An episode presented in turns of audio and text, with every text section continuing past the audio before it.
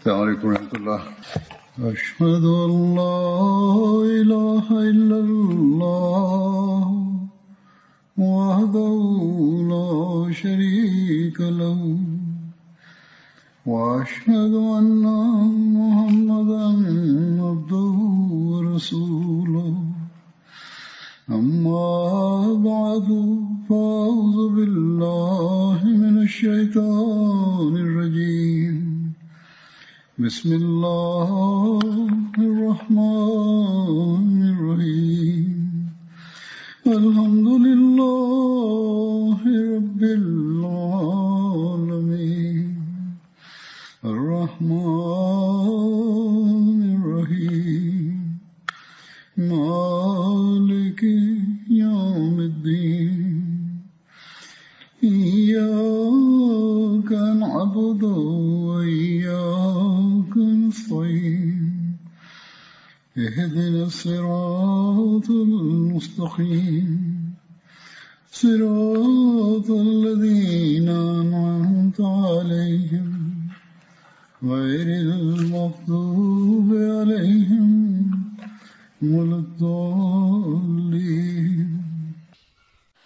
2022ခုနှစ်စက်တင်ဘာလ6ရက်နေ့မှာ Hazrat Amirul Mu'minin Khalifatul Masih Al-Khamis Ayyadahullahu Ta'ala bin Nasr Aziz ပြစ်မခလီဖာသခင်ကြီးက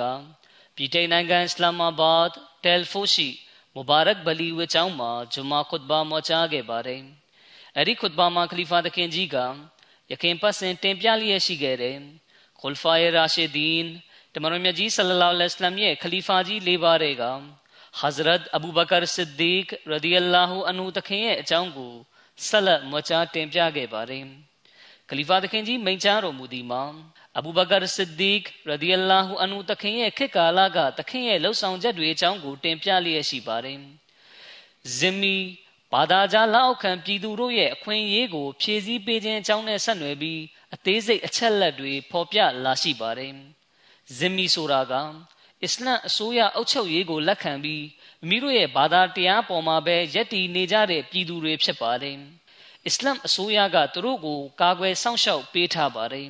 ။သူတို့ဟာစစ်မှုထမ်းဖို့မလိုအပ်သလိုဇကာတ်ပေးဆောင်ဖို့လည်းတာဝန်မရှိပါဘူး။ဒါကြောင့်သူတို့ရဲ့တပ်အိုးအိမ်စီးစိမ်ဥစ္စာနဲ့အခွင့်အရေးရပိုင်ခွင့်တွေကိုကာကွယ်စောင့်ရှောက်ပေးထားတဲ့အတွက်သူတို့ထံကအခွန်ငွေအနှဲငယ်သာကောက်ခံပါတယ်။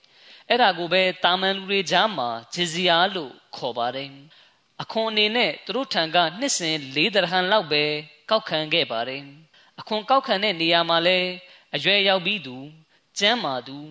ကောင်းစွာအလုပ်လုပ်နိုင်သူစသူတို့ထံကနေပဲကောက်ခံပါတယ်တက်ကြီးရွယ်အိုတွေ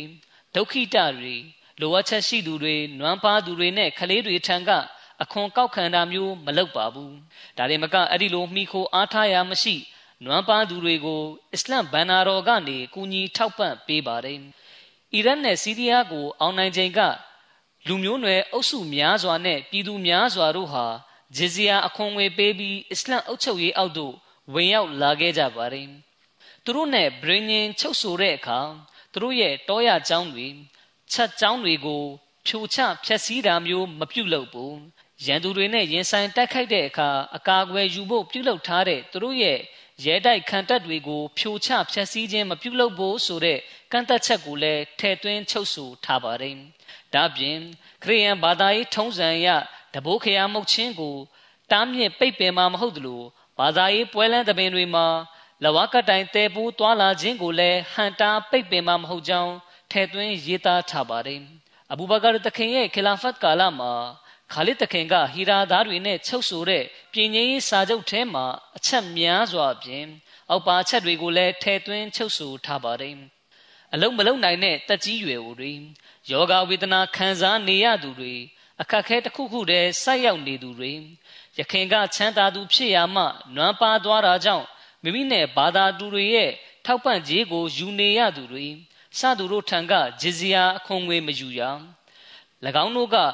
မဒီနာနဲ့အစ္စလမ်ဌာနချုပ်ရှိရာအရက်တွင် နေထိုင်နေသည်ဆိုလိုတာကသူတို့ကအစ္စလမ်အုပ်ချုပ်မှုအောက်မှာရှိနေတဲ့ဆိုရင်၎င်းတို့နဲ့၎င်းတို့ရဲ့အိမ်သူအိမ်သားတွေရဲ့အခြေခံလိုအပ်ချက်ကိုဘိုက်တုလ်မာလ်မှဖြည့်ဆည်းပေးရမယ်ဒါပေမဲ့၎င်းတို့ကအစ္စလမ်အုပ်ချုပ်မှုအောက်မှဖယ်ခွာလျက်အခြားနိုင်ငံတစ်ခုခုသို့ထွက်ခွာသွားမယ်ဆိုရင်၎င်းတို့ရဲ့မိသားစုဝင်တွေအတွက်လိုအပ်ချက်ကိုဖြည့်ဆည်းပေးဖို့မွတ်စလင်တွေထံမှတာဝန်ရှိတော်မူမဟုတ်ဆင့်ပြန်ချက်တစ်ခုရာ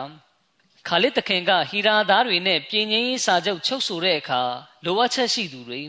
ဒုက္ခိတတွေနဲ့လော်ကီကိုအဆက်ဖြတ်လျက်တကိုယ်ဒီတရားအားထုတ်နေသောယဟန်များစသူတို့အတွက်ဂျဇီယာကင်းလွတ်ခွင့်ပေးရမယ်ဆိုတဲ့အချက်လဲပါဝင်ကြောင်းသိရပါတယ်။အဘူဘကာတခင်ရဲ့အလွန်ကြီးကျယ်ခမ်းနားတဲ့လှုပ်ဆောင်ချက်တစ်ခုဖြစ်တဲ့ဂျမ်းမြတ်ကုရ်အာန်စူဆောင်းခြင်းနဲ့ဆက်နွယ်ပြီးတင်ပြပါမယ်။ဂျမ်းမြတ်ကုရ်အာန်စူဆောင်းခြင်းလုပ်ငန်းကအဘူဘကာတခင်ရဲ့ခလာဖတ်ကာလမှာ ကြီးကျယ်ထွတ်မြတ်ပြီးအနိုင်မဲ့ဆောင်ရွက်ချက်တစ်ခုဖြစ်ပါတယ်။ဒီလိုဂျမ်းမြတ်ကုရ်အာန်စူဆောင်းရခြင်းရဲ့နောက်ခံသမိုင်းကမုဆိုင်လမာကဇာဘ်နဲ့ဖြစ်ပွားခဲ့တဲ့ယမာမာစစ်ပွဲနဲ့ဆက်နွယ်မှုရှိနေပါတယ်။ယမာမာစစ်ပွဲမှာမွတ်စလင်စစ်သည်ဥယေ1200ရှိတ်ဖြစ်တေဆုံးခဲ့ပါတယ်။တာဝကတော်တွေနဲ့ဂျမ်းမြတ်ကုရ်အာန်အာဂုံဆောင်အမြောက်အများရှိတ်ဖြစ်တေဆုံးသွားခဲ့ပါတယ်။စင်ပြန်ချက်တစ်ခုရာရှိတ်ဖြစ်သွားတဲ့ဂျမ်းမြတ်ကုရ်အာန်အာဂုံဆောင်အရေးအတွက်က 900ထိရှိကြောင်းသိရှိရပါတယ်။အဲ့ဒီလိုအခြေအနေမှာအလရှမြတ်ကအိုမာတခင်အောင်ဂျမ်းမြတ်ကုရ်အာန်ကိုတစူးတစည်းတဲ့စူဆောင်းဖို့လိုအပ်ကြောင်းစိတ်နှလုံးရှင်းလင်းသောအတွေးမြင်ကိုထည့်သွင်းပေးတော်မူပါတယ်။အိုမာတခင်ကအဘူဘကာတခင်ထံမှဒီအကြောင်းကိုတင်ပြလျှောက်ထားပါတယ်။ဒါနဲ့ဆက်နွယ်တဲ့အသေးစိတ်အကြောင်းအရာကိုဘူခါရီကျမ်းမှာခုလိုဖော်ပြလာရှိပါတယ်။ Zaid bin Sabit ခင်ကပြောပြကြောင်း Ubayd bin Sabat ကဆင့်ပြန်ပါတယ်။ ယမာမာသားများနဲ့စစ်ဖြစ်ပြီးနောက်အဘူဘကာတခင်က Zaid တခင်ကိုဆင့်ခေါ်လိုက်သည်။ထိုစဉ်အဘူဘကာတခင်နှင့်အတူဥမာတခင်လည်းအတူထိုင်နေ၏အဘူဘကာတခင်ကမိန့်ကြားတော်မူ၏ဥမာကျွန်ုပ်ထံရောက်လာသည်သူကယမမာစစ်ပွဲတွင်ကျမ်းမြတ်ကုရ်အာန်အာဂုံဆောင်အမြောက်များရှိတ်ဖြစ်ကွယ်လွန်သွားခဲ့သည်ထို့ကြောင့်နောက်ထပ်စစ်ပွဲများတွင်ကုရ်အာန်အာဂုံဆောင်ကာရီများစွာထပ်ပြီးရှိတ်ဖြစ်တေဆုံးသွားမည်ကိုကျွန်ုပ်စိုးရင်ပူပန်ပါ၏ သို့ဆိုလျှင်ကျမ်းမြတ်ကုရ်အာန်မှအစိပ်ပိုင်းအတော်များများပျက်စီးပျောက်ပြက်သွားမည့်အရေးကိုမြင်အောင်မိပါသည်ထို့ကြောင့်သခင်နေဖြစ်ဂျမ်းမြတ်ကုရ်အာန်ကိုစူဆောင်းနိုင်ရန်အမိန်ပေးဖို့လိုအပ်ကြောင်းကျွန်ုပ်မြင်ပါသည်ဟုပြော၏အဘူဘကာသခင်ကဇိုက်သခင်ကိုဤသို့ပြောပြ၏ကျွန်ုပ်ကဥမာအာတမန်တော်မြတ်ဆလလောလဟ်အလัยဟ်လှုပ်ဆောင်ခဲ့ခြင်းမရှိသောအလုပ်ကိုကျွန်ုပ်ကအတို့လျင်လှုပ်ဆောင်နိုင်မည်နည်းဟုပြောရာဥမာက ဤလုပ်ငန်း၌ပဂရိကောင်းမြတ်ခြင်းသာလျှင်ရှိပါသည်ဟုပြော၏အိုမာကဤစကားကိုအကြိမ်ကြိမ်တင်ပြပြောဆိုရာနောက်ဆုံးတွင်ဤလုပ်ငန်းနှင့်ပတ်သက်၍အလရှမြတ်ကကျွန်ုပ်၏စိတ်နှလုံးကိုဖွင့်ပေးတော်မူခဲ့သည်ထို့သောဖြင့်ကျွန်ုပ်၏အမြင်ကလည်းအိုမာကဲ့သို့ဖြစ်လာခဲ့သည်ဇိုက်တခင်ကပြောပြပါတယ်အဘူဘကာတခင်ကမိန့်ကြားတော်မူ၏အိုဇိုက် မုတ်ချအသင်သည်ငယ်ရွယ်ပြီးဉာဏ်ပညာထက်မြက်သောလူငယ်တဦးဖြစ်ပါသည်အသင်အားပြစ်တင်ဆွဆွဲချက်နှင့်ချွင်းချက်အဖြစ်နာစာများမှကင်းရှင်းတန့်စင်ကြောင်းမြင်ပါသည်အသင်ကတမန်တော်မြတ်ဆလ္လာလဟ်အလัยဟ်ထံကြားရောက်သောဝဟီကိုရေးသားမှတ်တမ်းတင်သူတဦးလည်းဖြစ်ပါသည်ထို့ကြောင့်အသင်သည်ကျမ်းမြတ်ကုရ်အာန်မှမုခဘတ်တော်များကိုစုဆောင်းပါထိုအခါဇိုက်တခင်က အလရှမြတ်အားတိုင်တဲကျိန်ဆိုပါ၏အကယ်၍တခင်ကတောင်တလုံးကိုတနေရာမှအခြားတနေရာသို့ရွှေ့ဖို့ရန်ကျွန်ုပ်အားတောင်းဝင်အနှင်းမီဆိုလင်တောင်ယင်းကကျွန်ုပ်ဖို့ဂျမ်းမြတ်ကုရ်အာန်စူးစီးဖို့တောင်းဝင်ပေးခြင်းအမိတ်လောက်ကြီးမားလေးလံပြီးမဟုတ်ပါဆိုလိုတာကကျွန်တော်ကိုပေးရတဲ့တာဝန်ကအလွန်ကြီးမားတဲ့တာဝန်တစ်ရပ်ဖြစ်ပါတယ်။တမန်တော်မြတ်ဆလလောလဟ်အလัยဟ်ကမလှုပ်ဆောင်ခဲ့သောအလုပ်ကိုကျွန်ုပ်တို့ကအတို့လျင်လှုပ်ဆောင်နိုင်ပါမည်နည်းဟုလျှောက်ထား၏။အဘူဘကာတခင်က ဤလုပ်ငန်း၌အလရှမိတ်အလိုတော်ဖြင့်လုံးဝအုပ်တုံကောင်းမြတ်ခြင်းသာလျှင်ရှိပါ၏ဟုမိန့်ကြားလေ၏။အဘူဘကာတခင်ကဤစကားကိုအထက်ထက်မိန့်ကြားခဲ့ရာနောက်ဆုံးတွင်ဤလုပ်ငန်းနှင့်ပတ်သက်၍အလရှမြတ်ကဟဇရတ်အဘူဘကာနှင့်ဟဇရတ်ဥမာတို့အားစိတ်နှလုံးဖွင့်ပေးတော်မူခဲ့တဲ့ကဲ့သို့ကျွန်ုပ်၏စိတ်နှလုံးကိုလည်းဖွင့်ပေးတော်မူခဲ့သည်ထို့သောဖြင့်ကျွန်ုပ်သည်ဂျမြတ်ကုရ်အာန်ကိုရှာဖွေစုဆောင်းမှုစတင်ခဲ့သည်ယင်းအားဆွမလွန်ဂိုင်းကြောင်များ ကြောက်ဖြူချက်များနှင့်လူတို့၏ရင်ပတ်များထဲမှစူးစီးခဲ့လေသည်အဘယ်များထိဟုမူဆူရာတောက်ပါ၏နောက်ဆုံးအစိပ်ပိုင်းကိုအဘူခွဇိုင်မာအန်ဆာရီထံမှရရှိခဲ့သည်ယင်ကိုသူ့ထံကလွဲပြီးအခြားမိသူထံကမျှမရရှိခဲ့ကြထိုအာယတ်မုခဘတ်တော်မှာက لقد جاءكم رسول من انفسكم عزيز عليه ما عنتم ဧကမအသင်တို့အတွင်းမှပင်တမန်တော်တစ်ပါးသည် အသင်တို့ထံသို့ရောက်ရှိလာခဲ့ပေပြီအသင်တို့ဆင်းရဲဒုက္ခခံစားရသောအခါသူ့ဖို့အလွန်မှခက်ခဲပင်ပန်းမှု ဖြစ်ရလေသည်မှစ၍ဆူရာတောက်ဘာနောက်ဆုံးထိဖြစ်သည်ထို့နောက်ဂျမ်မြတ်ကုရ်အာန်လက်ရေးမှုများကိုအဘူဘကာတခင်ကနောက်ဆုံးထွက်သက်အချိန်ထိတိုင်မိမိထံမှသာထားရှိခဲ့သည်ဥမာတခင်ခီလာဖတ်အယယာကိုဆက်ခံလာသည့်အခါထိုလက်ရေးမှုများကိုတခင်ထံအနံခဲ့သည် ထိုသည့်နောက်ထိုလက်ရေးမှုများကိုဟဖ်ဆာတခင်မထံအနံခဲ့သည်အီမမ်ဘဂဝီကမိမိရေးသားပြုစုတဲ့ကျမ်းရှရာဥဆနာကျမ်းထဲမှာဂျမ်မြတ်ကုရ်အာန်စုဆောင်ခြင်းဟာဒီစ်တော်ကိုဖော်ပြလျက်အောက်ခြေမှတ်စုမှာအခုလိုရေးသားပါတယ်ဓမ္မတော်မြတ်ဆလ္လာလဟ်အလัยဟိဝါစလမ်ထံပို့ချခြင်းခံရသောဂျမ်မြတ်ကုရ်အာန်ကိုအဂမဟာတာဝကတော်များကမိသည့်စကလုံးတစ်လုံးကိုမျှအတိုးအလျှော့မပြုတ်လို့ပဲအပြည့်စုံစူးစီးနိုင်ခဲ့သည် တာဝကတော်များကဂျမ်မြတ်ကုရ်အာန်ကိုစူးစီးခြင်းအကြောင်းနဲ့ဆက်နွယ်ပြီးဟာဒီစ်တော်တွင်ဤသို့ဖော်ပြထားပေသည်ဥစွာဂျမ်မြတ်ကုရ်အာန်ကိုစွန်မလွန်ဂိုင်းကြောက်များကြောက်ချက်များနှင့်ဂျမ်မြတ်ကုရ်အာန်အာဂုံဆောင်များ၏နှလုံးသားများထဲမှစူဆောင်းခဲ့ခြင်းဖြစ်သည်တာဝကတော်များသည်ဂျမ်မြတ်ကုရ်အာန်အာဂုံဆောင်အများပြားရှိတ်ဖြစ်သေဆုံးသွားခြင်းကြောင့်ဂျမ်မြတ်ကုရ်အာန်မှအစိပ်ပိုင်းများပျောက်ပြတ်သွားမည်ကိုစိုးရင်ခဲ့ကြသည်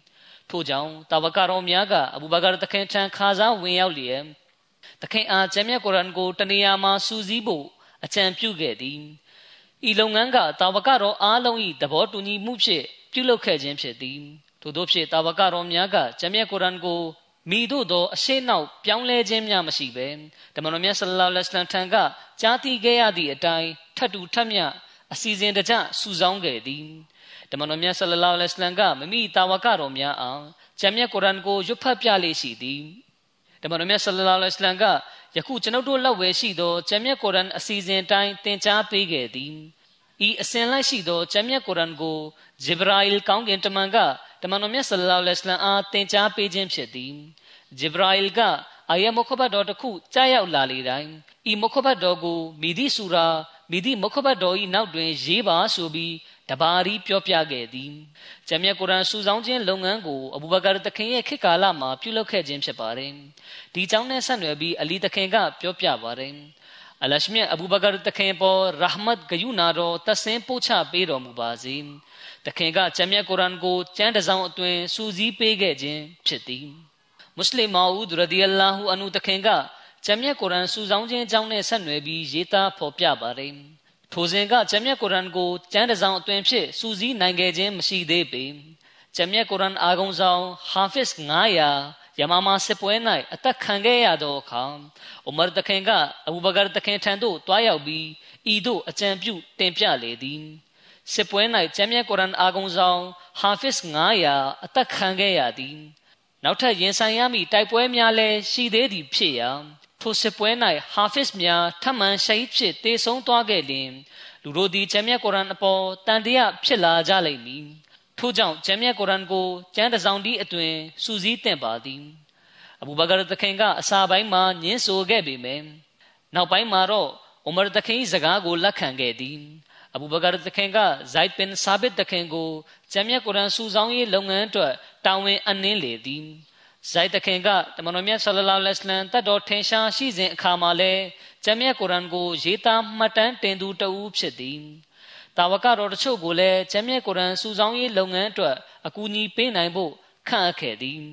ကျမ်းမြတ်ကုရ်အာန်အာရုံဆောင်တာဝကတော်ထောင်ပေါင်းများစွာရှိတော်လဲကုရ်အာန်ကိုရေးသားမှတ်တမ်းတင်သည့်အခါတွင် ထောင်နှစ်ချီရှိသောတာဝကတော်များကိုစူးစီးဖို့ဆိုရမှာမဖြစ်နိုင်ကြ ထို့ကြောင့်အဘူဘကာတခင်ကဂျမ်မြတ်ကုရ်အာန်ကိုလက်ရည်မူပေးလွှာများစီမှကူးရရမည်တဆက်သေးသတိပြုရမည်မှာယင်ကိုကုရ်အာန်အာဂုံဆောင်နှစ်ဦးကထောက်ခံချက်ပေးရမည်ဟု အမိန်ပေးလေသည်ထို့သောဖြင့်တရေအမျိုးမျိုးနှင့်အယိုးများတွင် ရေးသားထားသောကျမ်းမြတ်ကုရ်အာန်စာမူများကိုတနေရာတွင်စူးစီးလိုက်သည်ကုရ်အာန်အာဂုံဆောင်အချို့ကလည်းစူးစီးထားသောကျမ်းချက်များမှန်ကန်ကြောင်းထောက်ခံချက်ပေးခဲ့သည် အကယ်၍တစုံတစ်ယောက်ကဂျမ်းမြတ်ကုရ်အာန်နှင့်ဆက်လင်း၍တန်တရားဝင်နိုင်သည်ဆိုရင်လည်းတမန်တော်မြတ်ဆလ္လာလဟ်အလัยဟ်ကွယ်လွန်ခြင်းနှင့်ထိုချိန်ခါ၏ဂျားကာလနှင့်ဆက်လင်း၍သာဖြစ်နိုင်သည်သို့သောဉာဏ်ပညာရှိသူတဦးအနေနဲ့နေ့စဉ်ရွတ်ဖတ်လေရှိသည့်ကျမ်းစာအုပ်နှစ်စဉ်ရမဇန်လမြတ်ရောက်လေတိုင်းမွတ်စလင်များကအခြားမွတ်စလင်များထံရွတ်ဖတ်ပြလေရှိသောကျမ်းထောင်ပေါင်းများစွာသော လူပုဂ္ဂိုလ်များကအစမှအဆုံးတိုင်အာဂုံဆောင်ထားသောကြံ ကြံတကြံအတွင်နေနဲ့မစူစည်းနိုင်သေးတော်လဲမြောင်များစွာသောတာဝကတော်များကရေးသားမှတ်တမ်းတင်လာခဲ့သောကြံရေးစရာအပိုင်းစများတွင် ရေးထားသောလက်ရေးမှုအလုံးရှိနေသည့်ကျမ်းကိုကျမ်းတစ်စောင်တွင်တစုတစည်းတည်းစူးစီးရန်မှာအခက်ခဲတစုံတရာရှိနိုင်ပါပြီတော့ထို့ပြင်တမန်တော်မြတ်ဆလ္လာလဟ်အလိုင်းခေတ်ကာလမှာကတည်းကဝဟီရေးမှတ်ဖို့တာဝန်ပေးရခြင်းခံရသူဖြစ်ပြီး ယင်းကိုအာဂုံဆောင်ထားသူတဖန်ယင်းကိုနေစဉ်ရွတ်ဖတ်နေသူတယောက်အတွက်ဤကျမ်းတော်ကိုကျမ်းတစောင်ဤအတွင်စူးစီးခြင်း၌အမှားယွင်းတစုံတရာဖြစ်နိုင်ပါပြီလောအကယ်၍ရှိခဲ့ရင်လည်းအခြားအာဂုံဆောင်ပုဂ္ဂိုလ်များကမမြင်ခဲ့ပဲရှိပါမည်လောတို့ဖြစ်ရာဤကဲ့သို့သောတတ်တဲ့အထောက်ထားမျိုးကိုတန်တရားဝင်ပြီးဆိုလျင်တော့လောက၌မှန်ကန်သောတတ်တဲ့ရဲ့လို့ရှိတော်မူမဟုတ်ချေ အမှန်တော်ကဂျမ်းမြတ်ကုရ်အာန်ကိုအစဉ်ဆက်ထိမ့်သိမ်းစောင့်ရှောက်ခဲ့သလိုမျိုးလောက၌အခြားမိသည့်ကျမ်းကားများအခိုင်အမာထိမ့်သိမ်းစောင့်ရှောက်ခြင်းခံခဲ့ရသည်ဟုသောတမိုင်းတတ်တွေမရှိပါကြ။ဂျမ်းမြတ်ကုရ်အာန်သည်တမန်တော်မြတ်ဆလ္လာလဟ်အလိုင်းထံကြားရောက်ခဲ့သည့်အတိုင်းမူရင်းမပြတ်တည်ရှိနေပြီးလူတို့စောရကပြုဝေဖန်တကဲ့သို့ပြင်ဆင်ဖြည့်ဆွတ်ချက်ဟူ၍ဇိုးစင်းမြမပါရှိပေ။ယနေ့ခေတ်မှာဂျမ်းမြတ်ကုရ်အာန်ရဲ့ဘယ်နေရာမှာတော့ဖြစ် ပြင်ဆင်ထားတယ်ဆိုပြီးဝေဖန်ပြောဆိုသူတွေအတွက်ဒီမိန့်ကြားချက်မှာအဖြေပါဝင်နေပါတယ်မွတ်စလင်မာဦးရဒီအလာဟူအနုတခင်ကစောရကတစ်ခုကိုဖြည့်ရှင်းလျက်တနေရာမှာခုလိုမိန့်ကြားတော်မူပါတယ်တမန်တော်မြတ်ဆလ္လာလဟ်အလိုင်းခေတ်ကာလတွင်ဂျမ်းမြတ်ကုရ်အာန်တကြမ်းလုံးကိုရေးသားမှတ်တမ်းတင်ခဲ့ခြင်းမရှိဘူးဟု၍လူတချို့ကဝေဖန်စောရကပြုကြ၏ဤသို့ပြောခြင်းမှာမှန်ကန်မှုမရှိကြ အမှန်မှာတမန်တော်မြတ်ဆလ္လာလဟ်အလိုင်းခေတ်ကာလတွင်ကျမ်းမြတ်ကုရ်အာန်တစ်ချမ်းလုံးကိုရေးသားမှတ်တမ်းတင်ခဲ့ပြီးဖြစ်သည်ဓမ္မတော်မြတ်ရဲ့ခေတ်ကာလကကျမ်းမြတ်ကုရ်အာန်ကိုရေးသားမှတ်တမ်းတင်ခဲ့ခြင်းမရှိဘူးဆိုတဲ့စကားကမမှန်ပါဘူး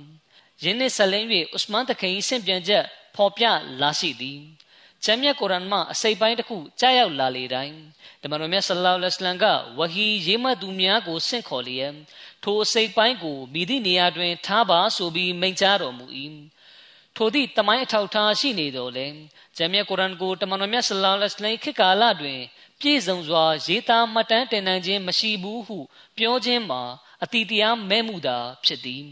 အမှန်တွင်အဘူဘကာသခင်ခေတ်ကာလ၌အဘဲကြောင့် စူဆောင်းရသည်နည်းဆိုသည့်မေခွန်းကိုတော့မေးနိုင်သည်ရင်းတွက်အဖြေမှာကတမန်တော်မြတ်ဆလ္လာလဟ်အလိုင်းခေတ်ကာလတွင်ဂျမ်မြတ်ကုရ်အာန်ကယနေ့ခေတ်လိုကျမ်းတစ်စောင်နဲ့အတွင်ရှိမနေခဲ့ကြထိုအခါဥမာတခင်ကဂျမ်မြတ်ကုရ်အာန်သည်ထိမ့်သိမ်းစောင့်ရှောက်ခြင်းမခံရဘူးဆိုပြီးလူတို့အထင်မှားနိုင်စရာရှိသည်ကို တွေးမိလေသည်ထို့ကြောင့်ဥမာတခင်ကအဘူဘကာတခင်ကို ထိုအကြောင်းနှင့်ဆက်လင်းပြီးအကြံပြုတင်ပြလေသည် ထိုအကြံပြုချက်စကားများမှာ အောက်ပါအတိုင်းဖြစ်သည်အင်နီအရာအန်တာမူရာဂျမအလ်ကုရ်အာန်တခင်နေဖြစ်ဂျမ်မြတ်ကုရ်အာန်ကိုကျမ်းတစောင်အတွင်စူးစီးဖို့အမိန်ပေးလျင်တင့်တော်မီဟုကျွန်ုပ်မြင်ပါသည်သို့သောဥမရသခင်ကဂျမ်မြတ်ကုရ်အာန်ကိုရေးသားမှတ်တမ်းတင်ဖို့သခင်အမိန်ပေးပါဆိုပြီးမပြောခဲ့ပြီထို့နောက်အဘူဘကာသခင်ကဇိုက်သခင်ကိုဆင့်ခေါ်လျက်ဂျမ်မြတ်ကုရ်အာန်ကိုစူဆောင်းပါဆိုပြီးမိန့်တော်မူ၏ အဘူဘကာသခင်ကအစ်မာအဟုရင်ကိုတနေရာထဲတွင်စူဆောင်းလိုက်ပါဆိုပြီးမိန့်ကြားတော်မူခြင်းဖြစ်၏သို့သောရင်ကိုရေးသားမှတ်တမ်းတင်ပါဆိုပြီးပြောခဲ့သည်မဟုတ်ပေအချုပ်ဆိုရသောထိုချိန်ကဂျမ်မြတ်ကုရ်အာန်ကိုကျမ်းတစ်စောင်အတွင်းစူးစီးရမည့်အချိန်ခါဖြစ်ပြီးရေးသားမှတ်တမ်းတင်ရမည့်အချိန်ခါမဟုတ်ကြောင်းတခင်မိန့်ကြားသောစကားလုံးကထောက်ပြနေသည်အဘူဘကာတခင်ခီလာဖတ်ကာလတွင်ဂျမ်မြတ်ကုရ်အာန်ကို ကျမ်းတစ်စောင်အတွင်းစူးစီးနိုင်ခဲ့သည်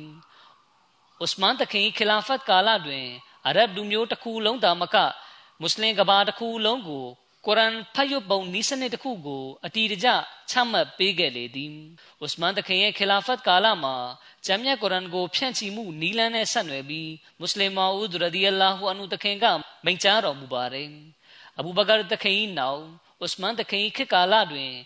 လူမျိုးနွယ်အသီးသီးမှလူပုဂ္ဂိုလ်တို့သည်ဂျမ်မြတ်ကုရ်အန်ကို ပုံစံအမျိုးမျိုးနှင့်ရွတ်ဖတ်နေကြောင်းတိုင်တန်းချက်ရောက်ရှိလာလေသည်ယင်းကမွတ်စလင်မဟုတ်သူများထံစိုးကြိုးတက်ရောက်မှုဖြစ်စေ၏၎င်းတို့ကဂျမ်မြတ်ကုရ်အာန်ဖတ်ရပုံအမျိုးမျိုးရှိကြောင်းအထင်မှားသွားကြလေသည်ဆိုလိုသည်မှာလူမျိုးနွယ်တစ်ခုကဂျမ်မြတ်ကုရ်အာန်မှဘီအခရာတစ်ခုကိုဇဘာနဲ့ရွတ်ဖတ်တယ်လို့အချို့လူမျိုးစုကဇေအချို့က page စသဖြင့်အမျိုးမျိုးရွတ်ဖတ်ကြလေသည် ဤသို့ရွတ်ဖတ်ပုံကိုအာရဗီဘာသာစကားကလွဲပြီးအခြားမိသည့်ဘာသာစကားတွင်မျှမတွေ့ရကြထို့ကြောင့်အာရဗီဘာသာစကားကိုမတက်ကျွမ်းသူတို့ဖို့ဤသို့ရွတ်ဖတ်ပုံကိုကြားပြီးတယောက်တစ်မျိုးပြောနေသည်ဟုထင်မှတ်မှားသွားစေနိုင်သည်တို့ဖြစ်ရာထိုပြဿနာရှုပ်ထွေးမှုမှ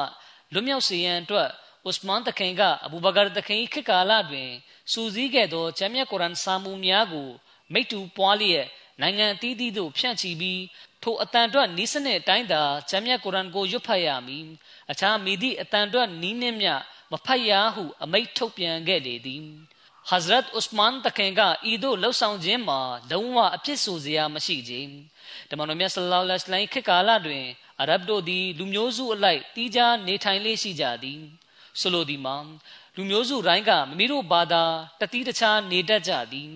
ထို့ကြောင့်လည်းလူမျိုးစုအလိုက်စကားပြောပုံချင်းမတူညီကြပေ ဆိုလိုသည်မှာမိမိတို့လူမျိုးစုအလိုက်စကားပြောဆိုပုံကတီးခြားစီဖြစ်၏သို့သော၎င်းတို့ကတမန်တော်မြတ်ဆလ္လာလဟ်အလိုင်းလက်တော်၌စူးစီးသွားခဲ့ကြပြီးအရဗ်တို့အတွင်ယဉ်ကျေးမှုထွန်းကားလာခဲ့သည်ထို့သောဖြင့်အာရဗီဘာသာစကားမှာစစ်သုံးစကားဖြစ်မှပညာရေးဆိုင်ရာဘာသာစကားတစ်ခုဖြစ်လာခဲ့သည်များစွာသောအရဗ်တို့သည်စာရေးစာဖတ်အတတ်ပညာကိုလည်းအကျွမ်းတဝင်ရှိလာခဲ့ကြသည်ထို့သောဖြင့် မိသည့်လူမျိုးစုထဲကပင်ဖြစ်စေနိုင်ငံသုံးဖြစ်သည့်ပညာရေးဆိုင်ရာဘာသာစကားတွင် ပြောဆိုလေရှိသည့်အတိုင်းပင် လူတိုင်းကလွယ်ကူစွာအတန်ထွက်နိုင်လာကြသည်ထို့ကြောင့်လူတိုင်းလူတိုင်းကပညာရေးဆိုင်ရာဘာသာစကားနှင့်အကျွမ်းတဝင်ရှိလာပြီးနောက်တွင်လည်း၎င်းတို့အားမိမိတို့လူမျိုးစုထုံးစံရှိသည့်အတိုင်းဂျမ်းမြတ်ကုရ်အန်ကိုဖတ်ရကြဖို့ခွင့်ပြုပေးရန်မိသည့်လိုအပ်ချက်မျှမရှိကြ ထို့သောဖတ်ရခြင်းကအခြားလူမျိုးနွယ်များအတွက်ချွတ်ချော်တိမ်ပါစရာဖြစ်နိုင်ပေသည်ထို့အတွက်ကြောင့်ပင်ဥစမန်တခင်ကမကာသားတို့အတန်ထွက်အတိုင်းဟာကာဒ်ဇေဇဘရပေ့ရှ်နှင့်တကွဂျမ်းမြတ်ကုရ်အန်ကိုရေးသားစေလျက်မိတူပွား၍တိုင်းနိုင်ငံအသီးသီးသို့ပို့ဆောင်စေခဲ့သည်။နောင်နောင်မကာသားတို့၏အတန်အတွက်ပုံစံကလွဲ၍အခြားမိသည့်လူမျိုးစု၏အတန်အတွက်နှင့်မျှကျမ်းမြတ်ကုရ်အန်ကိုရွတ်ဖတ်ခြင်းမပြုဖို့အမိန့်ထုတ်ပြန်လိုက်လေသည်။ ထိုချိန်တွေကိုမသိနားမလဲပဲအနောက်တိုင်းစာရေးဆရာနှင့်တခြားနိုင်ငံမှစာရေးဆရာများကဥစမန်တခင်ကကုရ်အန်အသစ်တစ်ခုကိုဖန်တီးခဲ့သည်။သို့မဟုတ်ကျမ်းမြတ်ကုရ်အန်၌အပြောင်းလဲအသစ်များပြုလုပ်ခဲ့သည်ဆိုပြီးအမြဲတမ်းစောရကားပြုလျက်ရှိကြသည်။အမှန်တရားမှာကအထက်တွင်တင်ပြခဲ့သောအကြောင်းအရာများပင်ဖြစ်သည်မစီမောဒလိုင်စလန်တခင်မိန့်ကြားတော်မူပါရင် ဂျမ်းမြတ်ကုရ်အန်သည်အလရှမြတ်ထံမှကြားရောက်သောဝဟီဖြစ်ကြောင်းတန်တရားမရှိမှန်ကန်ပါသည်အဘယ်များထိဆိုလျင်ဂျမ်းမြတ်ကုရ်အန်တွင်ဖော်ပြသောဘိန်းနုအဆက်ပေါက်တစ်ခုတော်မြဖျောက်ဖျက်ခြင်းမခံရဘဲငကိုမူရင်းမပြတ်တည်ရှိနေ၏အလရှမြတ်သည်ယင်းအားကောင်းကင်တမန်များဖြင့်ထိမ့်သိမ်းဆောင်းလျှောက်တော်မူလျက်အလွန်စနစ်ကျနာသောအသွင်ဖြင့်ပို့ချတော်မူခဲ့သည်တမန်တော်မြတ်ဆလောလ္လဟ်အလိုင်းထံပို့ချခြင်းခံရသောကြမ်းကြက်များကို မိတို့သော ပြင်ဆင်ဖြည့်ဆွတ်မှုများမပြုလုပ်ခဲ့ပဲကိုရောကမိမိမျက်မှောက်တွင်အာယမုခဘတ်တော်တစ်ခုချင်းကိုအလရှမြတ်ထံကကြားရောက်လာသောစကလုံးအတိုင်းရေးသားမှတ်တမ်းတင်စေခဲ့သည်အဘယ်များထိဆိုလျင်ကိုရောကကျမ်းမြတ်ကုရ်အန်တစ်ချမ်းလုံးကိုအပြည့်အဝရေးသားမှတ်တမ်းတင်နိုင်ခဲ့သည်အာယတ်မုခဘတ်တော်တစ်ခုချင်းကိုသူ့နေရာနှင့်သူအစီအစဉ်တကျရေးသားစုဆောင်းစေခဲ့သည်ထိုမြမကနမတ်တွင်၎င်း နမတ်ချိန်မဟုတ်သည့်အခါတွင်၎င်းအာယတ်မုခဘတ်တော်များကိုတေလာဝတ်ရွတ်ဖတ်ခဲ့လေသည်အဘယ်များတိဟုမူကိုရောသည် လောကမှခွဲခွာ၍မိမိချင်းရသောဖယားသခင်ရှင်မြတ်နှင့်တွားရောက်တွေ့ဆုံချိန်ထိတိုင်ရွတ်ဖတ်နေခဲ့လေသည် မစီမောဒလစ္စလန်သခင်မိန့်ကြားတော်မူပါတယ်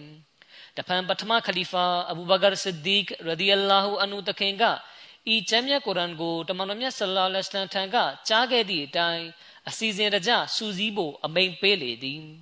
ထို့နောက်အလရှမြတ်ကအဘူဘကာဆစ်ဒီကတခင်၏နောက်ပိုင်းတွင်တတိယခလီဖာဥစမန်တခင်အားထိုလုပ်ငန်းကိုဆက်လက်လှုပ်ဆောင်ဖို့စွမ်းအားပေးသနာခဲ့သည်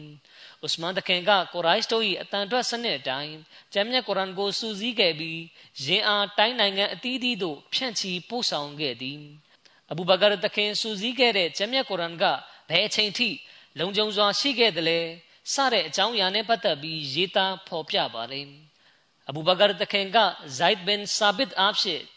ကျမ်းတစောင်အတွင်းတစုတစည်းတဲ့စူးစီးခဲ့သောကျမ်းမြတ်ကုရ်အန်ကိုဆဟီဖာယေစစ်ဒီဂီဟူ၍ခေါ်ဝေါ်ကြသည်ဤကျမ်းစာမူကအဘူဘကာတခင်ကွယ်လွန်ချိန်ထိတိုင်တခင်ထံတွင်ရှိနေခဲ့သည်ထို့နောက်ယင်းစာမူကအိုမာတခင်ထံသို့ရောက်လာသည်အိုမာတခင်ကယုံကြည်သူတို့၏မိခင်မွန် ဟဖ်ဆာတခင်မထံအနံလျက်ယင်အားမိသူကိုမျှမပေးနှင့်သို့သောယင်ကိုမိတူကူးယူခြင်းစာမှုကိုမွမ်းမံခြင်းစသည်တို့ကိုတော့ပြုလုပ်နိုင်သည်ဟု၍မှားကြားခဲ့လေသည်ထို့သောဖြင့်ဥစမန်တခင်ကမိခလာဖတ်အရိုက်ရာဆက်ခံသည့်အခါဟဖ်ဆာတခင်မထံကစာမှုကိုလွှဲပြောင်းယူလျက်စာမှုတချို့ကိုမိတူကူး၍မူရင်းစာမှုကိုဟဖ်ဆာတခင်မထံပြန်လဲအနံလိုက်သည် ဟဂျရီ54ခုနှစ်တွင်မာရဝမ်ကမဒီနာမြို့၏အုပ်ချုပ်ရေးမှူးဖြစ်လာသည့်အခါသူကဟဖ်ဆာတခင်မထံကစာမှုကိုရယူလိုခဲ့သည်သို့သောဟဖ်ဆာတခင်မကပေးဖို့ညှင်းဆန်ခဲ့သည်ဟဖ်ဆာတခင်မကွယ်လွန်ပြီးနောက်မာရဝမ်ကအဗ်ဒူလာဘင်အူမာထံကယူ၍ထိုစာမှုကိုဖျက်ဆီးပစ်လိုက်သည်သို့သောဥစမန်တခင်ကထိုထက်အလျင်ကထိုစာမှုကိုမိတူကူး၍တင်းစီထားခဲ့ပြီးဖြစ်သည် အဘူဘကာဆစ်ဒီကရဒီအလာဟူအန်ဟူတခင်က ပထမဆုံးအကောင့်ထဲပေါ်ဆောင်ရွက်နိုင်ခဲ့တဲ့ကိစ္စရပ်တွေတခင်ကပထမဦးစွာလှုပ်ဆောင်ခွင့်ရခဲ့တဲ့ကိစ္စတွေကိုမှတ်တမ်းပြုပြီးအဲ့ဒါကိုအဝလီယာတေအဘူဘကာဆိုပြီးအမိပေးထားပါတယ်တင်တခင်ကအားလုံးထက်လျင်အစ္စလာမ်ကိုတောက်ဝင်ယုံကြည်ခဲ့သူဖြစ်သည်နှစ်တခင်ကမကာတွင်မိမိအိမ်၏အရှိ၌ပထမဆုံးမစဂျစ်ဝေချောင်းပြုလုပ်တည်ဆောက်ခဲ့သူဖြစ်သည်၃ တမန်တော်မြတ်ဆလ္လာလဟ်အလိုင်းကိုကူညီလျက်မကာတွင်ကိုရိုက်တို့နှင့်ပထမဆုံးရင်ဆိုင်တိုက်ခိုက်ခဲ့သူဖြစ်သည်၄အစ္စလာမ်ကိုတောက်ဝင်ယုံကြည်ခဲ့ခြင်းကြောင့်ဒုက္ခပင်ညှင်းပန်းခံခဲ့ရသောကြေးကျွန်များအကျဉ်းခံများကိုဝယ်ယူလျက်ပထမဆုံးလွတ်လပ်ခွင့်ပေးခဲ့သူဖြစ်သည်၅ဂျမ်မြတ်ကုရ်အာန်ကိုကျမ်းတစောင်းအသွင်ဖြင့်ပထမဆုံးစူးစီးခဲ့သူဖြစ်သည်၆ဂျမ်မြတ်ကုရ်အာန်၏အမိကိုမုဆဟဖ်ဆိုပြီးပထမဆုံးမှဲ့ခေါ်ခဲ့သူဖြစ်သည် ခုနှစ်ခီလာဖတ်အရိုက်ရာကို ပထမဆုံးဆက်ခံခဲ့သူဖြစ်သည်ရှင်းတမန်တော်မြတ်ဆလ္လာလဟ်အလိုင်းတတ်တော်ထင်ရှားရှိစဉ်ကအမီရုလ်ဟာဂျ်အဖြစ်တာဝန်ပေးခန့်အခြင်းကိုခံရသူဖြစ်သည်ကိုတမန်တော်မြတ်ဆလ္လာလဟ်အလိုင်းတတ်တော်ထင်ရှားရှိစဉ်မွတ်စလင်တို့အားပထမဆုံးနမတ်ဥဆောင်ဝတ်ပြုခဲ့သူဖြစ်သည်30အစ္စလာမ်သာသနာတော်တွင် ပထမဆုံးဘိုက်တုလ်မာလ်ကိုတည်ထောင်ခဲ့သူဖြစ်သည်17မွတ်စလင်များထံမှ ဝဇီဖာလက်ဆောင်ပနာငွေပေးရခြင်းခံရသော ပထမဆုံးအစ္စလမ်ခလီဖာဖြစ်သည်ဆက်နှင့်မိမိနောက်တွင်အယယဆက်ခံမိခလီဖာကိုမိမိအသက်ထင်ရှားရှိခဲ့စဉ်မှာအဆိုပြုခဲ့သော ပထမဆုံးခလီဖာဖြစ်သည်အဘူဘကာတခင်ကအိုမာတခင်ကိုခလီဖာဖြစ်အဆိုပြုခဲ့ပါတယ်73ခလီဖာဖြစ်ချိန်၌ဖခင်အဘူကာဟာဖာအသက်ရှင်နေသေးသည့်ပထမဆုံးသောခလီဖာလည်းဖြစ်သည် 14အစ္စလာမ်သာသနာတော်၌တမန်တော်မြတ်ဆလ္လာလဟ်အလัยဟ်ကဘွဲကုံပေးလျက်ခေါ်ခြင်းခံရသော ပထမဆုံးပုဂ္ဂိုလ်ဖြစ်သည်15မျိုးဆက်၄ခုတိုင်တမန်တော်မြတ်ဆလ္လာလဟ်အလัยဟ်တာဝကတော်ဖြစ်ခြင်းဆိုသည့်အခွင့်ထူးကိုရရှိခဲ့သည့်ပထမဆုံးပုဂ္ဂိုလ်ဖြစ်သည်တခင်ရဲ့ဖခင်အဘူကာဟာဖာတခင်ကိုယ်တိုင်တခင်ရဲ့သားဖြစ်သူအဗ်ဒူရဟမန်ဘင်အဘူဘကာတခင်ရဲ့မြေးဖြစ်သူမုဟမ္မဒ်ဘင်အဗ်ဒူရဟမန်ဘင်အဘူဘကာ စသူတို့အားလုံးတို့ကဓမ္မတော်မြတ်ဆလ္လာလဟ်အလိုင်းရဲ့တာဝကဆိုတဲ့ဂုံဆင့်ကိုရရှိခဲ့ကြပါတယ်အဘူဘကာတခင်နဲ့ပတ်သက်၍ချီးမွမ်းကမ်းမှာတခင်ရဲ့ခန္ဓာကိုယ်အတွင်ပြင်းနဲ့ဆက်လင်းပြီးအာယရှာတခင်မရဲ့ဆင့်ပြန်ချက်ဖော်ပြလာရှိပါတယ်ကျမကလောဝေါ်ရင်ပေါ်တွင်ထိုင်နေစဉ်အာရဗ်အမျိုးသားတအူခြေလင်းလမ်းလျှောက်လာသည်ကိုတွေ့ရသည်ထိုအခါကျမကထိုသူထပ်ပိုးပြီးအဘူဘကာတခင်နှင့်တူသောသူကို မတွေ့ဘူးပါဟု ပြောကြားမိသည် ထိုအခါဆင့်ပြန်သူကသို့ဆိုလျင်ကျွန်ုပ်အားအဘူဘကာတခင်၏ခန္ဓာကိုယ်အတွင်ပြင်ကိုပြောပြပါဟုမေးရာအိုင်ရှာတခင်မကတခင်သည်ဖြူသောအသားရောင်ရှိပြီးပိန်ပိန်ပါးပါးခန္ဓာကိုယ်ရှိသည်ပါပြင်ကအသားမပြည့်ခါနှဲငယ်ကိုင်းသည်ထို့ကြောင့်တခင်၏လုံကြီးကခါပေါ်မမြဲဘဲအောက်သို့ရှော့ကျနေတတ်၏မျက်နာတွယ်လျက်ပြီးမျက်တွင်းချိုက်၍နှစ်ဖူးကျဲသည်ဟု၍ဖြေလေသည်အစ်ဘနီစီရင်ကပြောပြပါတယ် ကျွန်တော်ကအနတ်ဘင်မာလစ်တခင်ကိုအဘူဘကာတခင်ကခေါင်းဆိုးလေးရှိပါသလားဆိုပြီးမေးလိုက်ပါတယ်အနတ်ကဟုတ်တယ်တခင်ကဒန်သို့မဟုတ်ကတမ်ဆိုသည့်အရွက်တစ်မျိုးကိုအသုံးပြုပြီးဥကောင်းနဲ့မုတ်စိတ်ကိုဆေးဆိုးလေးရှိတယ်ဆိုပြီးပြန်ဖြေပါတယ်ကတမ်ဆိုတာကခေါင်းဆိုးရာမှာအသုံးပြုတဲ့အရွက်တစ်မျိုးဖြစ်ပါတယ်အဘူဘကာတခင်ကအလရှမြတ်အားကြောက်ရွံ့ခြင်းတကွာပြစ်ဆောင်ခြင်းတရားကိုကျင့်သုံးတိဆောက်တတ်သူဖြစ်ခြင်းအကြောင်းနဲ့ဆက်နွယ်ပြီး ရေးသားဖော်ပြပါတယ်တမန်တော်မြတ်ဆလ္လာလဟ်အလัยဟိဝါစလမ်ကရဘီယာဘင်ဂျာဖာနဲ့အဘူဘကာတခင်ကိုမြေခွက်တချို့ပေးခဲ့သည်အပင်ကိစ္စနဲ့ပတ်သက်ပြီးသူတို့နှစ်ဦးကြားမှာတဘောရာကွဲပြားမှုဖြစ်ခဲ့ပါတယ်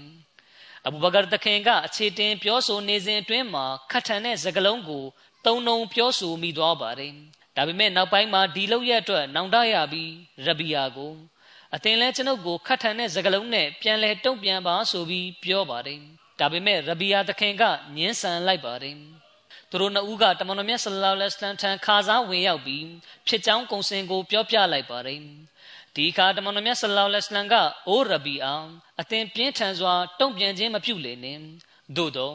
ဂဖရလာဟူလကယာအဘာဘကာအိုအဘူဘကာအလရှမြတ်အသင်ကိုခွင့်လွတ်ပါစေဟုသာပြောပါဆိုပြီးမိန့်ကြားပါတယ်အဘူဘကာတခင်ကဒီစကားကိုကြားတဲ့အခါဘယ်လောက်တောင်တက်ရောက်မှုဖြစ်ခဲ့တယ်လဲဆိုရင် တခင်ကတဲထန်စွာငိုကြွေးလျက်ပြန်သွားခဲ့ပါတယ်။ဆင့်ပြန်ချက်တစ်ခုလာရှိပါတယ်။အဘူဘကာဆစ်ဒီကရဒီအလာဟူအန်ဟူတခင်ကအပင်တပင်မှာနားနေတဲ့ငှက်တကောင်ကိုတွေးလိုက်ရပါတယ်။ဒီအခါတခင်ကအိုးငှက်ငယ်အသင်းအတွက်မင်္ဂလာသတင်းဖြစ်ပါစေ။အလရှမြတ်ကိုကြိတ်ဆိုပါ၏။ကျွန်ုပ်အသင်ကဲ့သို့ဖြစ်ချင်ပါတယ်။အသင်ကတစ်ပင်ပေါ်မှာနားတယ်။တစ်သီးတွေကိုစားသုံးတယ်။ဒီနောက်ပြန်တန်းသွားတယ်။အသင်အတွက်စစ်ကြောမေးမြန်းခြင်းမရှိသလို ပြစ်ဒဏ်ဆိုတာလည်းမရှိဘူးကျွန်ုပ်ဟာလမ်းတစ်ခုမှာရှိတဲ့တစ်ပင်တပင်ဖြစ်လင်ကောင်းလေစွာထိုတစ်ပင်အနားသို့ကလုတ်တကောင်ဖြတ်လျှောက်သွားလျင်တစ်ပင်မှတေးဥတစ်ဖူတွေကိုစားသုံးမယ်ဒီနောက်အစာချက်ပြီးအငြိကျေးဖြစ်စွန့်ထုတ်လိုက်မယ်ကျွန်ုပ်လူသားမဖြစ်လင်ကောင်းလေစွာမွတ်စလင်မာဦးရဒီအလာဟူအန်ဟူတခင်ကဆူရာနဘာရဲကယကူလူကာဖီရူယာလိုက်တနီကွန်တူတူရာဘာထို့ပြင်ကာဖာမယုံကြည်သူက မြေကြီးဖြစ်သွားခဲ့လျင် ကောင်းလေစွာဟုပြောဆိုလိမ့်မည်ဆိုတဲ့အာယတ်မတ်စင်41ကိုရှင်းလင်းဖွင့်ဆိုလျက်မိန့်ကြားတော်မူပါတယ်မွတ်စလင်ဂိုင်းခွဲအချို့ကတာဝကတော်များအားအဘယ်မျှရန်လိုအမုန်းထားကြသည်နည်းဆိုလျင်၎င်းတို့ကအဘူဘကာတခင်သည်ကွယ်လွန်မိအချိန်တွင်ယကူလုလ်ကာဖီရူယာလိုက်တနီကွန်တူတူရာဘာထို့ပြင်ကာဖာမယုံကြည်သူကမြေကြီးဖြစ်သွားခဲ့လျင် ကောင်းလေစွာဟု ပြောဆိုလိမ့်မည်ဆိုသည့်အာယမုခဘတ်တော်ကိုရေရွတ်နေခဲ့တယ်ဆိုပြီးပြောကြပါတယ်အဘူဘကာတခင်ကထိုစာသားကိုရေရွတ်နေသောကြောင့်ကာဖာဖြစ်သွားပြီဆိုပြီး၎င်းတို့ကပြောကြလေသည်နောဇူဘီလာမွတ်စလင်မာဦးရဒီအလာဟူအန်ဟူတခင်ကမိန့်ကြားပါတယ်အကယ်၍ဤစင်ပြန်ချက်ကအမှန်ဖြစ်ခဲ့လျင်ထို့ပြင်ဤမုခဘတ်တော်ကလည်းအဘူဘကာတခင်ကိုယဉ်ညွှန်းခြင်းအမှန်ဖြစ်လျင်အဘူဘကာတခင်၏အီမန်ယုံကြည်မှုအားလျော်စွာ ဤမခဘတ်တော်ဤဆိုလိုရင်းမှာမယုံကြည်သူတို့၏စကားကိုညှင်းပယ်သူအဘူဘကာကပြောသည်မှာအလရှမြတ်ကကျွန်ုပ်ပေါ်တွင်လည်းဤတိုင်းသာပြုမှုလင်ကောင်းလေစွာအရှင်မြတ်သည်ကျွန်တော်မျိုး၏ကောင်းမှုများအတွက်ဆုလက်မပေးသလိုကျွန်ုပ်၏မေမားမှုများအတွက်တည်တံမခတ်လျင်ကောင်းလေစွာဟူ၏ဤစကားမှာပြီးပြည့်ဝသောမုံမင်းယုံကြည်သူတယောက်၏ပြောစကားသာဖြစ်နိုင်သည် ဟာဒီစ်တော်များ၌တမန်တော်မြတ်ဆလ္လာလဟ်အလัยဟ်နှင့်ပတ်သက်၍လည်းကိုတော်ကငါသည်မိမိကျင့်ကြံတိဆောက်မှုများအရာကဲတင်ခြင်းခံရမည်မဟုတ်ဘဲအလရှမိတ်ဖဇလ်ကျေးဇူးတော်ကြောင့်သာလျှင်ကဲတင်လွတ်မြောက်ခြင်းရရှိမှာဖြစ်သည်ဆိုပြီးမိန့်ကြားတော်မူလေ့ရှိကြောင်းလာရှိပါတယ်။ဤနေရာတွင်ကာဖာဆိုသည့်စကားလုံးဖြင့်တမင်ဆက်ခြင်းပြောဆိုထားခြင်းသာဖြစ်သည်။တဘောက စစ်ပွဲများတွင်တမန်တော်မြတ်ဆလ္လာလဟ်အလိုင်းနှင့်အနီးကပ်ဆုံးနေခဲ့သူမိမိပိုင်ဆိုင်မှုဒနာဥစ္စာဟူသည်များကိုတမန်တော်မြတ်ဆလ္လာလဟ်အလိုင်းအလို့ငါဆွန့်လွတ်လူရန်ခဲ့သူတမန်တော်မြတ်ဆလ္လာလဟ်အလိုင်းကတတ်တော်54နှစ်55နှစ်ခန့်ရှိသည့်အရွယ်တွင်မိမိ17နှစ်အရွယ်သမီးငယ်ကိုတမန်တော်မြတ်နှင့်လက်ထပ်ထိမ်းများပေးခဲ့သူမကာသားအားလုံးနှင့်ဆန့်ကျင်ရင်ဆိုင်လျက်တမန်တော်မြတ်ကအဘူဘကာကိုအတူခေါ်ဆောင်ပြီးမဒီနာသို့ဟစ်ဂျရတ်ပြုလုပ်ချိန်တွင် ကိုရောနှင့်အတူရှိခဲ့သူထို့သောသောပုဂ္ဂိုလ်ကိုမှ၎င်းတို့ကကာဖာဖြစ်ပြောကြလေသလိုဒီလောက်ထိကုရ်ဘာနီဆွန့်လွတ်ပေးဆက်ထားသူကတော့ကာဖာဖြစ်နေပြီးသူ့ရဲ့ကြင်ကြံတိဆောက်မှုနဲ့ဘယ်လို့မှမရှင်နိုင်တဲ့သူတွေကမုံမင်တွေဖြစ်နေပါလားဆိုပြီးကျမ်းမြတ်ကုရ်အန်ကတမင်ဆန့်ကျင်ပြောဆိုထားခြင်းသာဖြစ်ပါတယ်အဲ့တော့ဒီအာယမုခဘတ်တော်ကအဘူဘကာတခင်နဲ့ပတ်သက်ပြီးလာရှိခြင်းဖြစ်တယ်လို့ယူဆကြတယ်ဆိုရင်ဒါက တမင်ဆန့်ကျင်ပြောဆိုသောအရွယ်စကလုံးသာဖြစ်ပါတယ်အဘူဘကာတခင်ရဲ့ကွယ်လွန်ခြင်းနီးကပ်လာတဲ့အခါမှာတခင်ကအိုင်ရှာတခင်မကိုမိန့်ကြားပါတယ်။အိုးငါဤသမီးတော်အသင်မဟာလောကမှာငါ၏အချင်းရဆုံးသူဆိုတာအသင်မသိပါတယ်ငါဟာတနေရာကမြေတကွက်ကိုအသင်မဖို့ဟစ်ဘာလက်ဆောင်ပေးထားခဲ့တယ်အကယ်၍အသင်မကအဲ့ဒီမြေကိုလက်ဝဲရယူထားပြီးအဲ့ဒီကအကျိုးမြတ်ကိုရယူခဲ့မယ်ဆိုရင်မုတ်ချဧကန် အဲ့ဒီမြေဟာအသင်မအပိုင်ပါပဲဒါပေမဲ့ယခုတော့အဲ့ဒီမြေဟာငါရဲ့အမွေခံအားလုံးနဲ့သက်ဆိုင်သွားပါပြီဒါကြောင့်အသင်မအဲ့ဒီမြေကိုပြန်အပ်ပါဒီလိုအဖြစ်ငါအသက်ရှင်နေခြင်းဒီမြေကိုငါရဲ့အသုံးပြုမှုအောက်မှာရှိစေပြီးငါကွယ်လွန်သွားတဲ့အခါအလားရဲ့ကျမ်းစာတော်အတိုင်းငါရဲ့သားသမီးများအားလုံးကြားမှာအမွေခွဲဝေပေးနိုင်ဖို့ဖြစ်တယ်။ဒါပြင်ငါဟာမိမိရဲ့သားသမီးတွေကြားမိသူပေါ်တွင်မြ မျက်နာလိုက်ပြီးပုံမချစ်ခင်ပေးကမ်းခဲ့တာမျိုးမရှိကြောင်းအလရှမြတ်ရှိတွင်တတ်သေးခံနိုင်ဖို့ဖြစ်တယ်။ဒီခါအိရှာသခင်မကသခင်ရဲ့မိန့်ကြားချက်စကလုံးတစ်ခုချင်းကိုလိုက်နာဖြည့်ဆည်းပါမယ်ဆိုပြီးပြောပါတယ်။ယခုဆက်လက်တင်ပြမယ့်အကြောင်းအရာကယခင်ခွတ်ဘာတွေမှာလည်းတင်ပြခဲ့ပြီးဖြစ်ပါတယ်။ဒါပေမဲ့သခင်ရဲ့ချီးမွမ်းကမ်းဖော်ပြချက်မှာပါဝင်တဲ့အတွက်ဒါကိုထပ်ပြီးတင်ပြပါမယ်။သခင်ကခလီဖာဖြစ်ပြီးနောက်တနေ့မှာမိမိကုံတယ်ပြုလုပ်ခဲ့စဉ်က အထယ်လိပ်တွေကို ပခုံးပေါ်မှာထမ်းပိုးလျက်ဈေးရှိရာသို့ထွက်ခွာသွားခဲ့ပါတယ်။လမ်းမှာအိုမာသခင်အဘူအိုဘိုင်ဒါသခင်တို့နဲ့တွေ့ဆုံပါတယ်။သူတို့နှစ်ဦးကအိုးအလားတမန်တော်ဤခလီဖာဘယ်သွားမလို့လဲဆိုပြီးမေးလျှောက်ရာအဘူဘကာသခင်ကဈေးသွားမလို့ပါလို့ဖြေပါတယ်။အိုမာသခင်နဲ့အဘူအိုဘိုင်ဒါသခင်တို့ကယခုသခင်ကမွတ်စလင်တွေရဲ့အုတ်ထိန်ဆောက်ရှောက်သူဖြစ်နေပါပြီ။ကျွန်ုပ်တို့သခင်အတွက်ဝဇီဖာလက်ဆောင်ငွေတတ်မှတ်ပေးပါမယ်ဆိုပြီး သခင်ကိုခေါ်ဆောင်သွားပါတယ်။သခင်ကျွန်ုပ်တို့နဲ့အတူလိုက်ခဲ့ပါ။သခင်အတွက်ဝဇီဖာလက်ဆောင်ပနာငွေတတ်မှတ်ပေးပါမယ်။သခင်ကုံတယ်လို့မလုပ်ပါနဲ့ဆိုပြီးပြောခဲ့ပါတယ်။အလာမာအစ်ဘင်ဆာဒ်ကဝဇီဖာလက်ဆောင်ပနာငွေပေးခြင်းအကြောင်းနဲ့ဆက်နွယ်ပြီးပြောပြပါတယ်။သခင်ကိုခြုံတယ်နှစ်ထဲပေးလေးရှိပြီးထိုခြုံတဲ့နှစ်ထည်ကဟောင်းနှမ်းသွားရင်အဲ့ဒါကိုပြန်ပေးပြီးအစ်စ်နဲ့လဲလဲတက်ပါတယ်ခရီးစဉ်အတွက်အစည်းအဝေးနဲ့ခလီဖာမဖြစ်ခင်ကအသုံးစရိတ်လောက်ကိုသာ မိမိနဲ့မိမိအိမ်သူအိမ်သားတွေအတွက်သုံးဆွဲပါတယ်မွတ်စလင်မာဦးရဒီအလာဟူအန်ဟူတခင်ကမိန့်ကြားပါတယ်အဘူဘကာသည်အစ္စလမ်ကဘာအတွက်ဘယင်တဆူဖြစ်သည်တခင်ကလောကီစည်းစိမ်ဘာများရရှိခဲ့ပါသနည်းတခင်ကပြည်သူလူထု၏ငွေကြေးဥစ္စာများကိုထိမ့်သိမ်းဆောင်ရှောက်ပေးသူဖြစ်တော်လဲထိုငွေကြေးမှမိမိတို့သုံးဆွဲခဲ့ခြင်းမရှိခြင်းအဘူဘကာတခင်သည်ကုံတယ်ကြီးတဦးဖြစ်သည်မှာတန်တရားမရှိမှန်ကန်ပါ၏သို့သော ကုံတဲ့အလုံးမှရရှိသောငွေကြေးဥစ္စာများကိုအလလန်တော်မှာပြန်လည်လူဒန်းလေးရှိသည်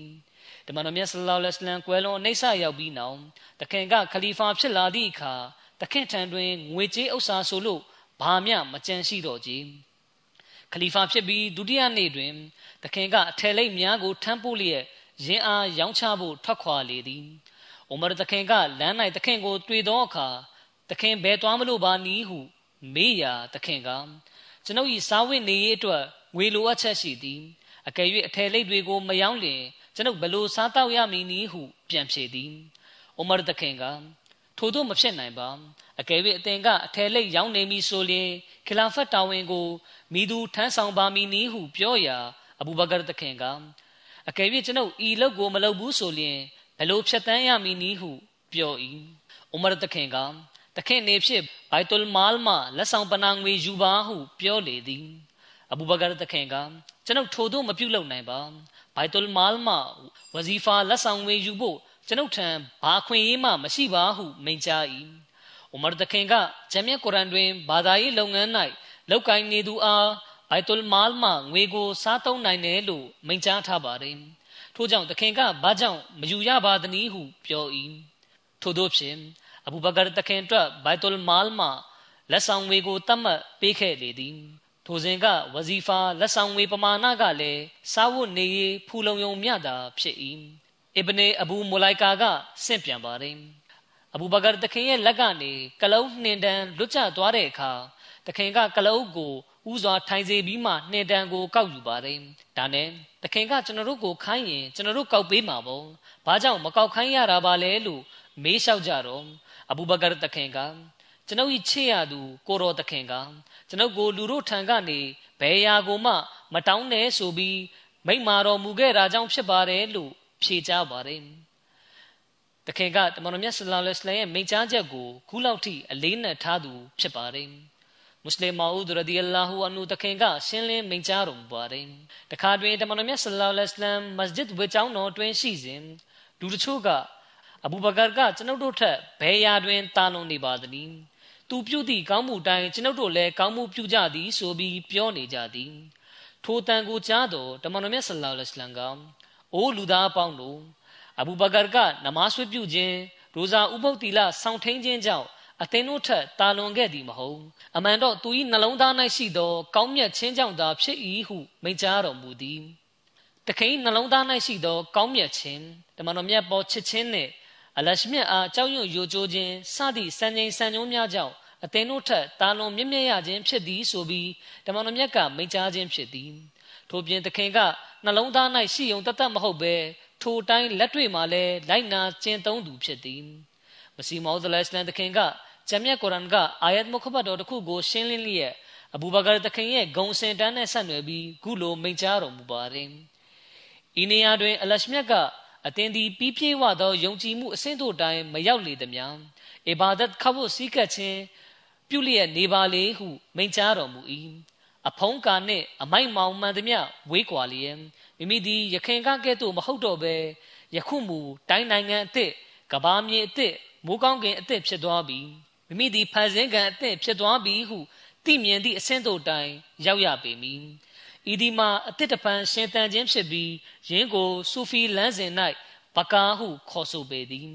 လူသားသည်ထိုဆင့်သို့တိုင်ရောက်ရှိသွားပြီဆိုလျှင်သူ့အတွင်း၌အလရှမြတ်ကဝိညာဉ်တော်ကိုမှုတ်သွင်းတော်မူ၏ကောင်းကင်တမန်များသူ့ထံတက်ဆင်းလေ၏ဤလျဝတ်ချက်ကိုအလာဟ်တမန်တော်မုဟမ္မဒ်ဆလ္လာလဟ်အလိုင်းက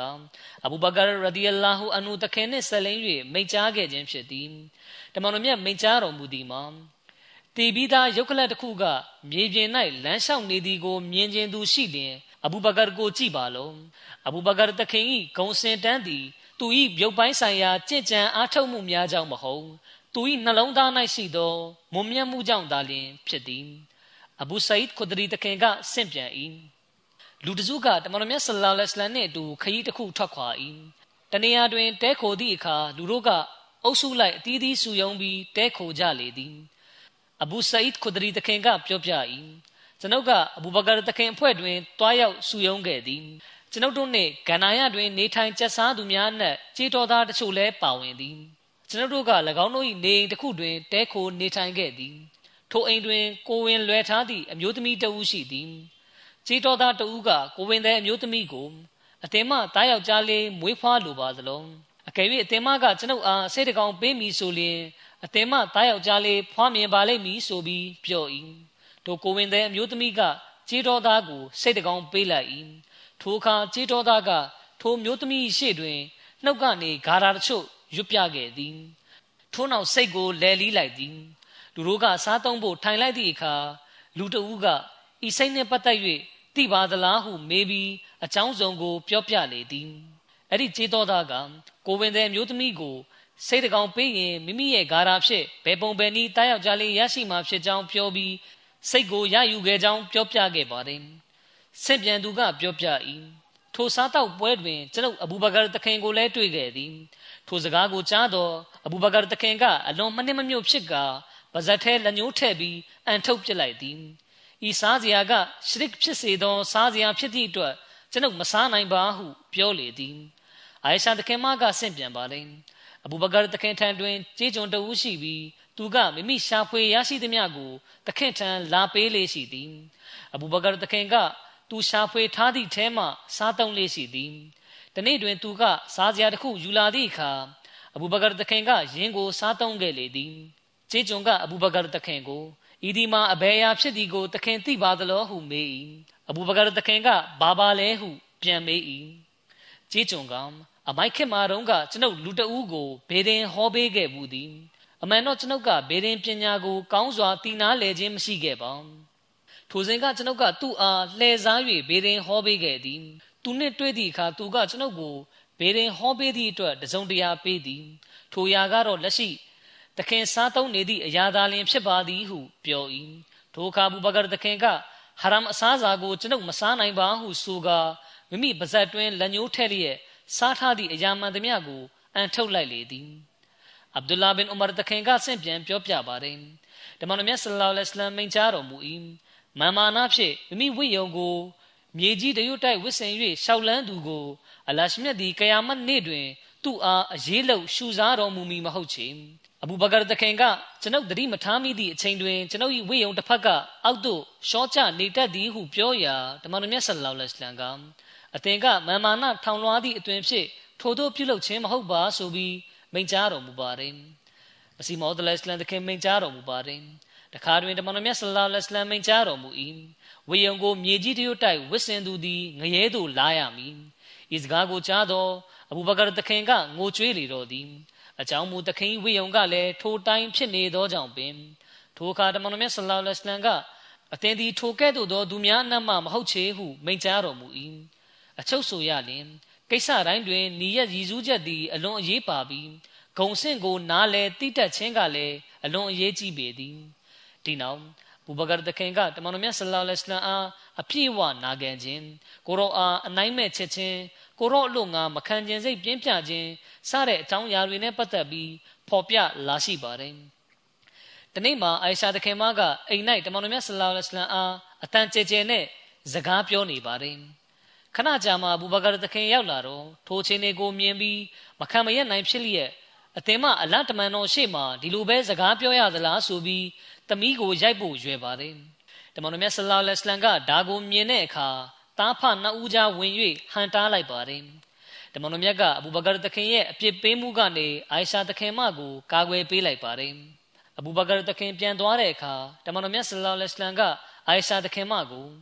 ဒီနေ့အသင်မရဲ့ဖခင်လက်ကနေအသင်မကိုဘယ်လိုကာကွယ်ပေးလိုက်တယ်လဲတွေ့တယ်မဟုတ်လားဆိုပြီးကြည်စဲပြောဆိုပါတယ်။ရန်နေငယ်ချပြီးနောက်မှာအဘူဘကာတခင်ကနောက်တစ်ကြိမ်ရောက်ရှိလာပါတယ်။ထိုစဉ်တမန်တော်မြတ်ဆလ္လာလဟ်အလัยဟ်နဲ့အိုင်ရှာတခင်မတို့ကရေမောလီရဲ့စကားပြောဆိုနေကြပါတယ်။အဘူဘကာတခင်ကအသင်ကအချင်းများတဲ့အချိန်မှာကျွန်ုပ်ကိုပါဝင်စေခဲ့တယ်လို့ရေမောတဲ့အချိန်မှာလည်းကျွန်ုပ်ကိုပါဝင်စေပါလို့မိန့်ကြားပါတယ်။ဒီခါတမန်တော်မြတ်ဆလ္လာလဟ်အလัยဟ်က